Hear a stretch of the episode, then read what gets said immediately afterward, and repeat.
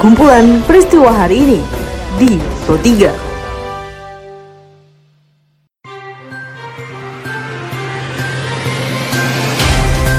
Halo pendengar, selamat berjumpa kembali di podcast Pro 3 RRI dengan kumpulan peristiwa yang terjadi pada hari ini. Seperti biasa, pendengar pada podcast ini saya akan mengulas isu-isu aktual yang saat ini masih hangat juga ramai diperbincangkan di sekitar kita. Tentu saja pendengar nanti akan saya hadirkan cuplikan informasi dari reporter kami. Saya Tika Nantia, inilah kumpulan peristiwa Pro 3 di ruang dengar Anda. Pendengar sebelum masuk ke dalam beberapa isu aktual yang tentunya akan saya hadirkan sesaat lagi, saya mengundang Anda terlebih dahulu untuk mampir ke laman berita kami di rri.co.id. Anda juga bisa follow dan berkomentar langsung di sosial media kami, di Instagram, Twitter, juga Facebook dengan mengetik at RRI Programa 3 di kolom pencarian Anda. Pendengar kami awali dengan laporan yang dikabarkan oleh reporter Pradip Tarahardi di mana pemerintah menargetkan Indonesia sudah bebas dari pandemi COVID-19 saat pertemuan Global Platform for Disaster Risk Reduction atau GPDRR, forum pertemuan multi kepentingan terkait pengurangan resiko dampak bencana. Forum ini akan berlangsung di Bali tahun 2022 mendatang. Sebagai tuan rumah, Presiden Joko Widodo mengatakan bahwa Indonesia tentu berperan sebagai pusat pembelajaran dari negara-negara peserta dalam penanggulangan kebencanaan.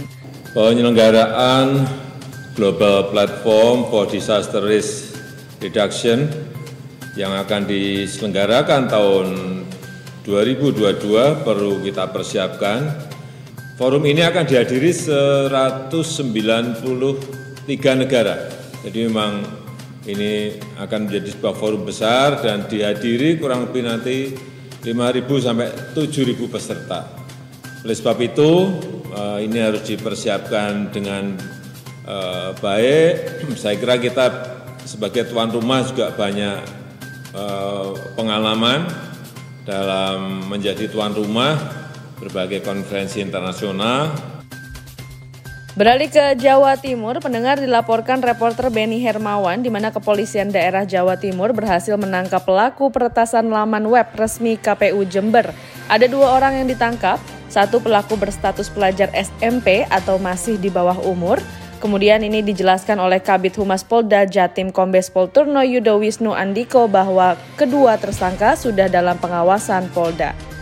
Ada dua tersangka dan ini menjadi suatu tindakan tegas oleh Polda Jatim khususnya dalam kejahatan-kejahatan cyber yang berkaitan bagaimana ingin mengganggu jalannya pilkada tentunya. Dari Jawa Timur kita beralih ke Bangkalan di mana masyarakat di wilayah Kabupaten Bangkalan terdampak kekeringan dan juga lahan pertaniannya tidak dapat digarap. Kemudian mereka beralih profesi untuk menyambung hidup menjadi kuli bangunan. Dikabarkan reporter Miftahul Umar, berikut penjelasan salah satu warga Konang Bangkalan, Husen, mengatakan lebih jelasnya. Musim kemarau kering semua, sawah kering, talon kering juga Pak. Air pun ngambilnya jauh. Ya biasanya kalau kemarau ini saya minta bantuan ke saudara di kota, mungkin ada kerjaan apa kuli atau jadi kernet, nukangi gitu Pak.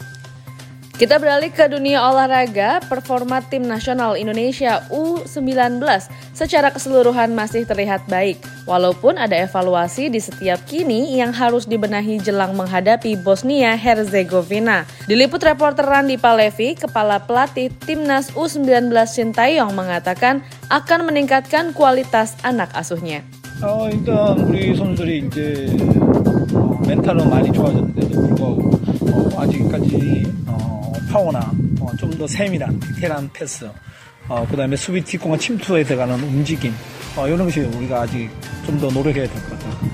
Uh, jadi untuk uh, pertama mental uh, sudah menjadi baik, uh, tetapi uh, di power dan passing yang lebih detail lagi uh, dan uh, lebih uh, berkualitas lagi dan juga uh, mencari uh, ruang kosong di belakang divisi itu masih kurang untuk kita gitu. Itu itu untuk PR-nya. Baiklah pendengar, informasi tadi mengakhiri perjumpaan kita pada podcast edisi hari ini. Dengarkan terus podcast edisi hari lainnya dan juga hari ini tentunya di Spotify dengan hanya mengetik Pro 3 RRI di kolom pencarian Anda. Pendengar tetaplah menjaga jarak, ikuti protokol kesehatan dengan baik, jagalah pola makan Anda agar imun Anda semakin kuat. Teruslah mengikuti berita terupdate di Pro 3 RRI. Saya Tika Nantia beserta dengan tim editor kami Karisma Rizky undur diri. Sampai jumpa. Jalanan ibu kota DKI Jakarta masih Kumpulan peristiwa hari ini di Pro 3.